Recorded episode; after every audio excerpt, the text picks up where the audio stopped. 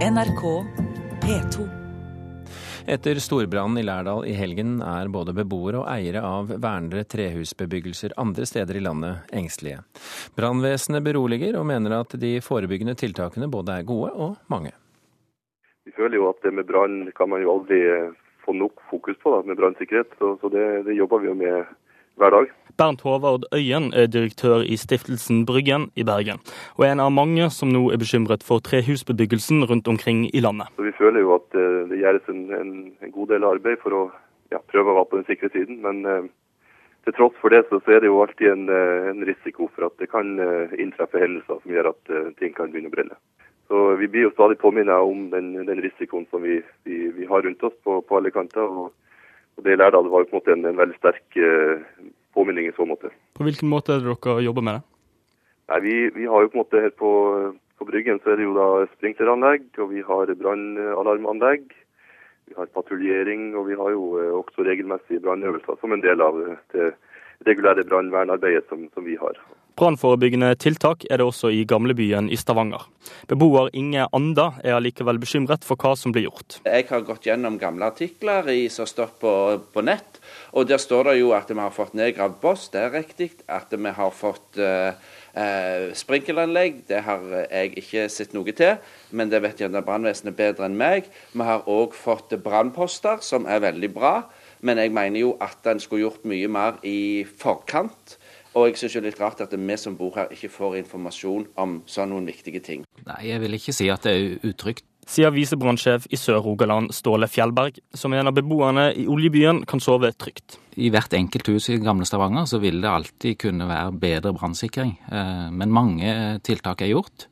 Bl.a. blant annet flere bygg er sprinkla. Eh, kommunen sine bygg i området er sprinkla. Og en har òg en strategi med at en skal kunne hindre brannen i å spre seg over større avstander med store brannstyrker og tidlig varsel. I Sogndalstrand i Rogaland ligger noen av de viktigste trehuskulturminnene i Norge. Eli Lupsa driver hotell her og er opptatt av at gjestene der skal føle seg trygge. Brann det opptar oss, det er vi redde for. Vi sikrer det beste en kan her, med sprinkling både innvendig og utvendig. Og ikke minst at vi har et nært samarbeid med det lokale brannvesenet her. Det er også utrolig viktig for oss. Også i Røros er store deler av trehusbebyggelsen fredet. Visebrannsjef Bjørn Ivar Sevat Dahl kan fortelle at de forebyggende tiltakene er mange. I utgangspunktet er vi godt rusta. Vi har eh, deteksjon i hele verneverdige sentrum. 1128 detektorer som går direkte trådløst til brannstasjonen. Videre har vi et varmesøkende kamera som står oppe i toppen til kirketårnet, som skal ha som oppgave å detektere branner som starter på utsida av huset. Eh, ut ifra eh, det vi tror vi vet, så er vi godt rusta. Men ting som i Lærdal kan jo skje, så vi har jo en del barrierer. Men, eh, men i utgangspunktet er vi godt rusta. Og reporter her, det var Jaran Ree Mikkelsen. Den største brannen på 45 år, det er altså fasiten etter brannen i Lærdal. Heldigvis gikk ikke menneskeliv tapt, men flere familier har mistet alt de eier og har i flammene i Lærdal sentrum. Og selv om dette er en alvorlig nok sak for dem det gjelder, så er det verken Norges første eller største bybrann. Gaute Losnegård, historiker og forfatter av boken 'Norske ulykker og katastrofer'. Når hadde vi sist en storbrann av dette kaliber? Ja, Du nevnte jo eh, den brannen for 45 år siden som var i eh, sentrum av Tromsø. Som eh, den som en kanskje kan sammenligne det her med. Men bortsett fra den, så Og hvis vi ikke regner med det som skjedde under krigen, så må vi kanskje nærmere 100 eller 90 år tilbake i tid. Og, ja. for, for, vi snakker vel også om altså 110 år er jo Ålesund? Ja. Det er jo den eh, største brannen i norgeshistoria regna i materielle skader. Men eh, det, en har jo hatt veldig mange eh, andre og mindre bybranner. Ja, spesielt på slutten av 1800-tallet, etter at en fikk byvekst i Norge. Hvilke er de største bybrannene vi har hatt her i landet? da? Ja, Du regner jo Ålesund som den største, men Bergen i 1916 kommer vel på en, kanskje på en god andreplass. Det kommer litt an på hvordan du regner. Vi har jo hatt branner i både Kristiansand og Oslo også, eller Kristiania da, på den tiden? Mange. Det er mange branner, altså. Men eh, det som er karakteristisk for sånne bybranner, det er at det er ofte få dødsfall. Det har jo skjedd i ofte i tett trehusbebyggelse, men husene er jo små.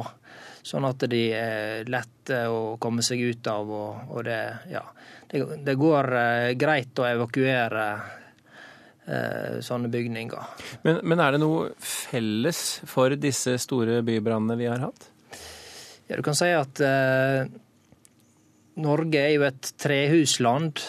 Eh, men også eh, en viktig ting med byene i Norge, så ligger de eh, for det meste langs kysten, der det blåser mye. Og vinden er jo en eh, avgjørende faktor når det gjelder brann.